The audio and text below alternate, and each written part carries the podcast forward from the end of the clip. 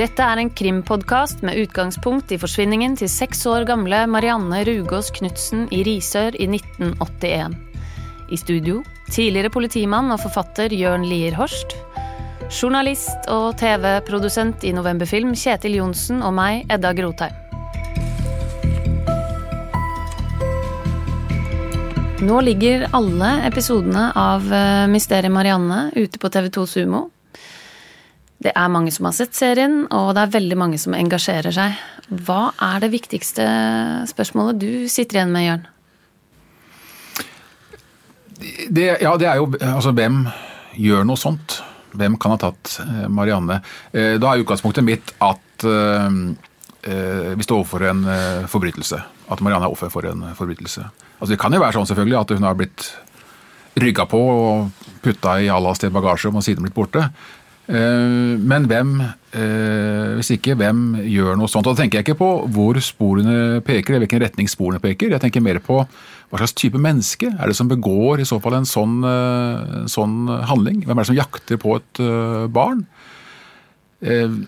og det, tenker, altså det, I hovedsak så er det jo to mennesketyper jeg ser for meg. Det ene er jo da en, en forvirra, psykisk syk person.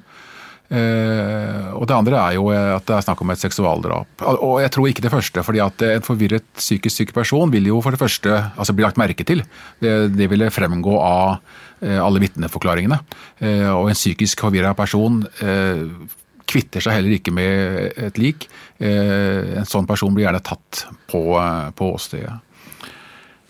Så da står vi overfor eh, en seksualforbryter. Og eh, de har vi jo ikke så mange av her til lands. Eh, hvis en skal se på forskning fra andre land, og sånt, så handler det om gjerne altså marginaliserte mennesker. Mennesker som på en eller annen grunn havner litt på, på utsida av det normale samfunnet. Avstumpa mennesker.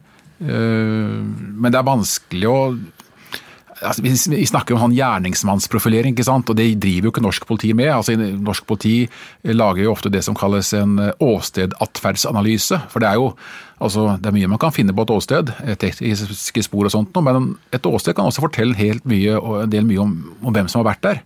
Hvem gjerningsmannen er. Marianne-saken har vi jo ikke noe eh, åsted, så vi står jo helt tomme. Vi står helt uh, helt sporløse.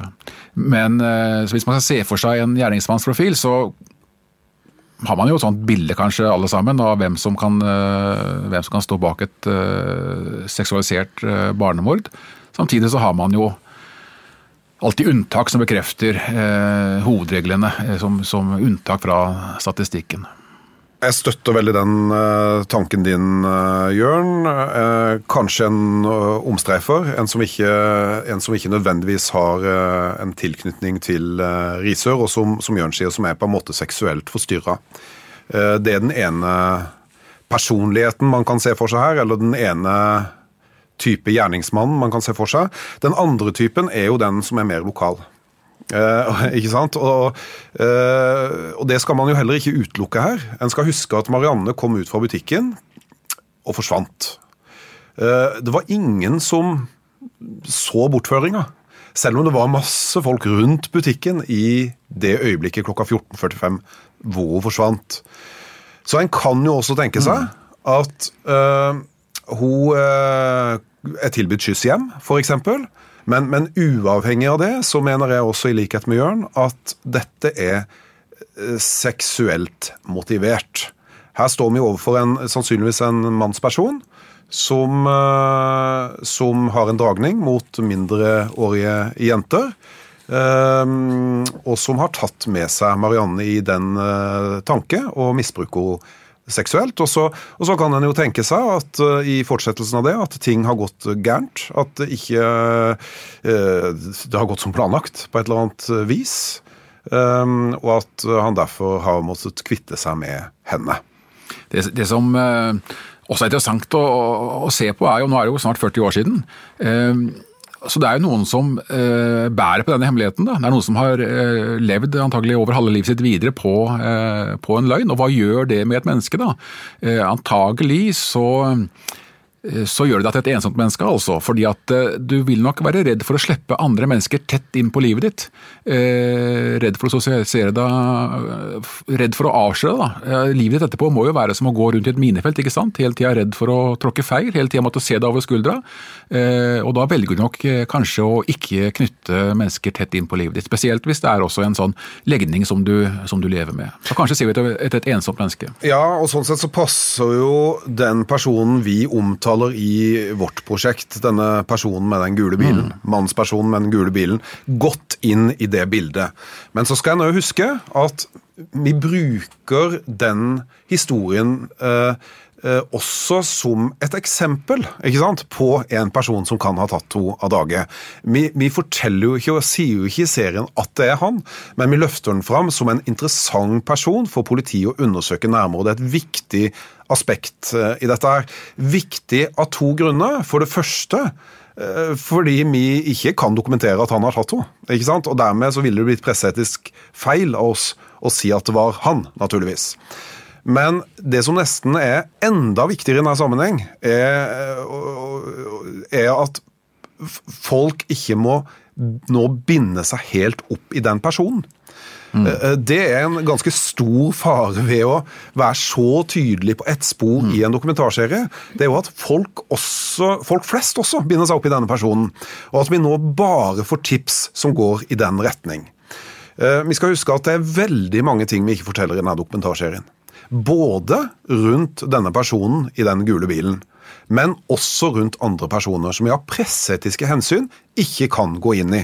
Sånn at i ettertid nå, når serien nå er sendt, eh, så ønsker vi tips fra alle kanter. Uavhengig eh, av hvilke spor folk har hengt seg opp i.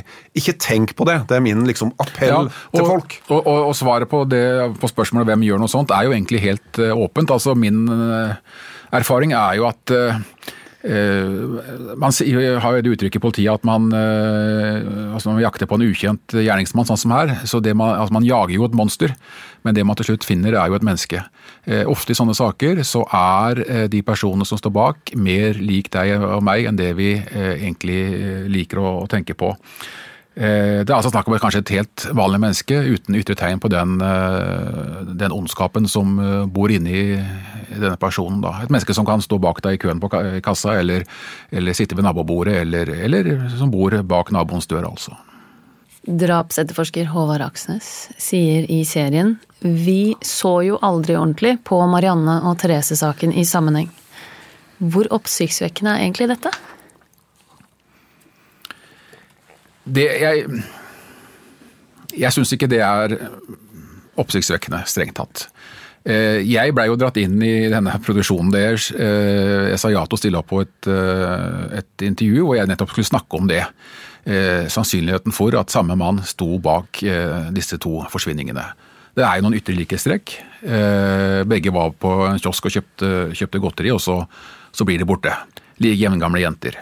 Men jeg eh, syns jo at tidsaspektet her det er syv år imellom, taler imot en sammenheng. Eh, I hvert fall det jeg sa eh, på de opptakene, som, som ikke er blitt brukt i serien. altså, For det, det gikk jo bare eh, noen uker, så fikk jo jeg dette tipset som jeg bringer videre. Denne mannen med i den gule bilen som har en klar knytning til begge sakene, men også saker i tidsrommet eh, imellom.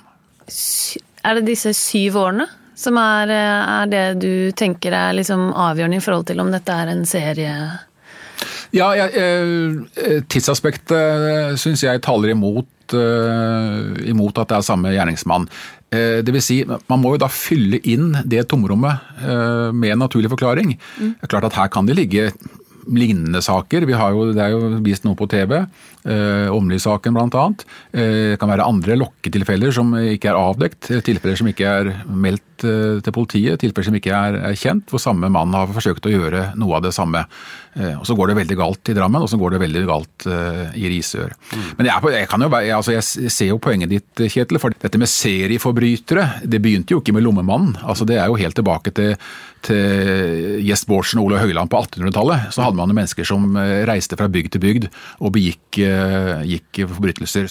Mm. Og Jeg husker jeg lagde faktisk en dokumentarfilm om Lommemann-saken og fulgte Håvard på tett, altså etterforskningslederen mm. fra Kripos den gangen, på ganske nært hold, også når de fysisk var ute og lette etter Lommemannen på Vestlandet. Det var en ganske interessant eh, opplevelse, hvor vi var tett på politietterforskninga i flere uker.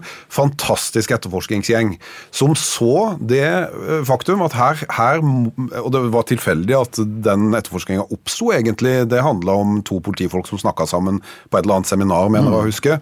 Hvor, hvor, de utveksla informasjon, og så viste det seg at begge to hadde den kasusen i hjembyen sin. Eh, men de tok det på alvor, og gikk ordentlig inn i det. Og, og, og, og endevendte den type saker over hele kongeriket Norge. Og fant jo da til slutt eh, flere titalls treff med nøyaktig samme modus som strakk seg langt tilbake i tid. Sånn at når lommemannen, Pga. det at de da satt i system, og når lommemannen da ble, til slutt ble tatt, så kunne han felles da for, for en masse tilsvarende forhold eh, Nei, noe, av det, over hele landet. Noe av det samme som ville vært veldig interessant å, å gjort eh, her nå, da, med Mysteriet Marianne. altså prøve å kartlegge hele 80-tallet. Eh, søvnfare lokalaviser og den slags etter etter en lokkemann eh, i gul bil. Jeg vet jo også at han hadde med seg tamme dyr som han eh, fikk ungene interessert i. Mm. Eh, I Åmli er det snakk om en rød bil, det er det jo også i Therese-saken, så ikke la det bli med gul bil, jeg på å si. Men, men det å, å, spore opp den type lokkemenn kan jo være med på å fylle ut det hullet i tidslinja her, da, som, som, jeg mener det er hvis det er disse to isolerte handlingene bare. Ja, jeg mener jo svaret langt på vei i både Marianne-gåten og kanskje også Therese-gåta, uten at jeg kjenner den saken så inngående som jeg kjenner Marianne-saken, så mener jeg jo at svaret eh, sannsynligvis ligger, eh, ligger, der, ved å sammenligne ulike kriminalsaker. Det er et arbeid vi selvfølgelig tar på største alvor og er i gang med for fullt, og kommer til å videreføre utover både denne høsten og vinteren og neste vår. Mm. Jeg var veldig litt nysgjerrig. Hva, I og med at det, det, er en del av det å fortsette å se på sammenhenger. Eh, dere snakker om modus. modus.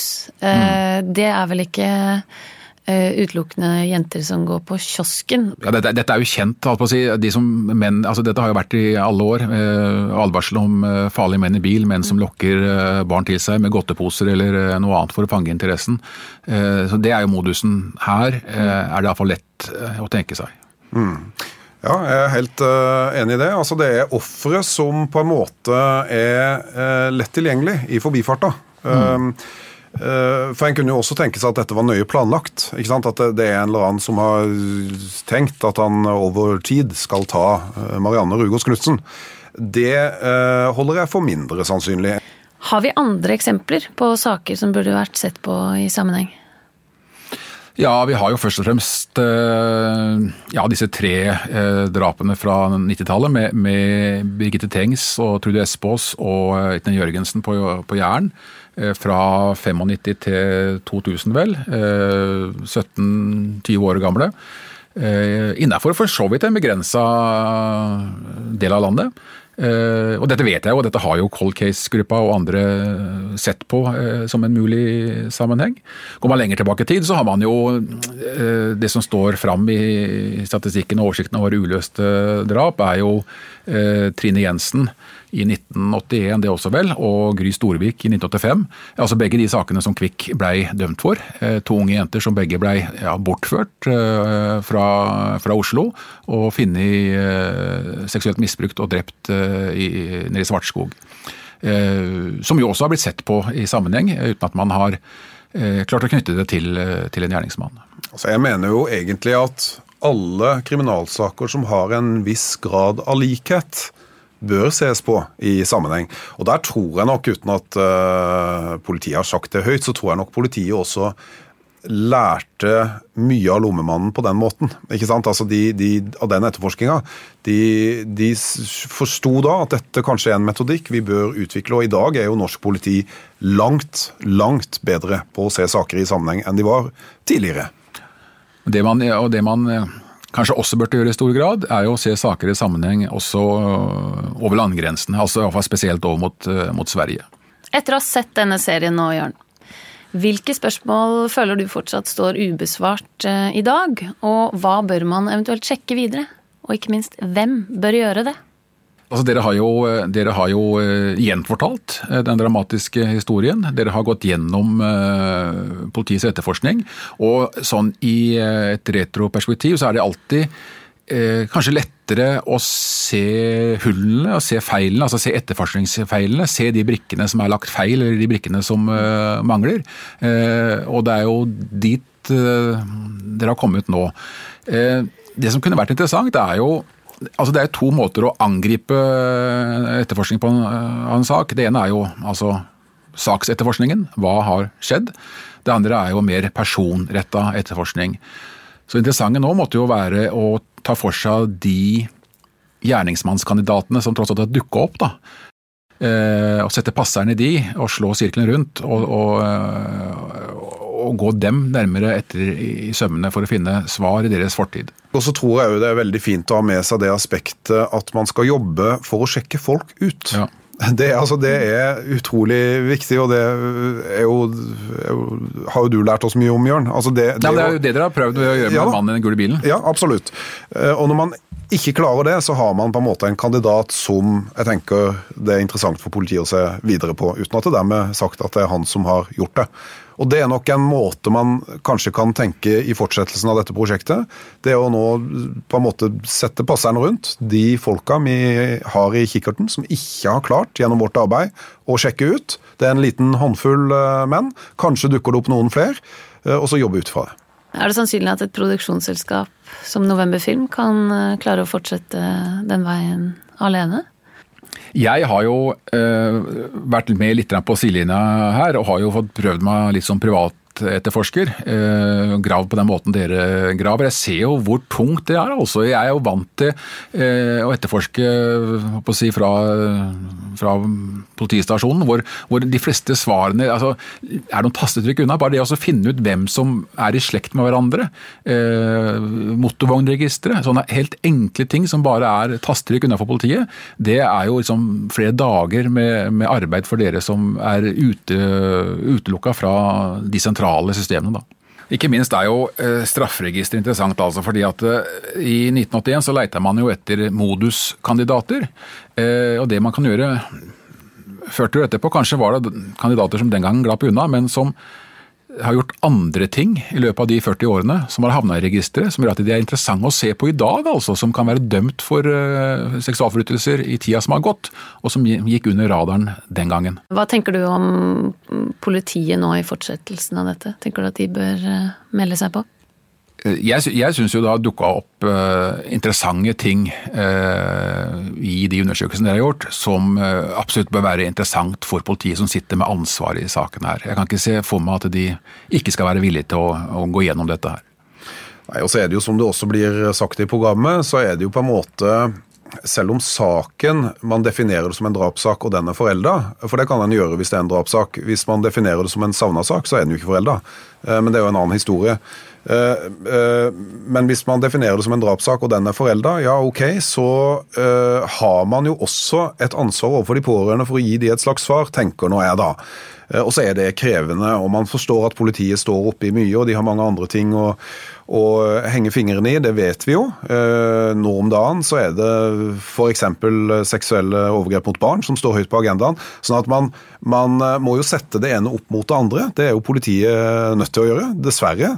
Eh, men, men, i lys av historien her, så tenker jeg at det hadde vært fint hvis politiet engasjerte seg. Og nå skal vi jo i et møte med politiet um, om noen uker. Uh, da skal vi utveksle litt informasjon, uh, og så får en kanskje et svar på, på, det. I hvilken grad de ønsker å engasjere seg i dette videre. Uh, har behovet for et svar nesten blitt sterkere enn behovet for å fortsette å lage TV? Ja, for min del og for redaksjonsdel så er det, er det jo sånn. Vi er jo en mennesketype som, som heldigvis da ikke gir oss på blanke møkka. Uh, som søkersvar. Det er sånn vi er oppdratt, det er sånn vi er bygd opp innvendig. Og det, det er leveveien vår. Dessverre, kanskje. Fordi det er ganske krevende å ha det sånn. Men jeg mener at det redaksjonelle arbeidet som så langt er gjort i denne saken, med all tydelighet forteller meg at vi skal gå videre eh, på dette her. Eh, det har også kommet veldig mye ny informasjon underveis som ikke vi har tatt tak i ennå.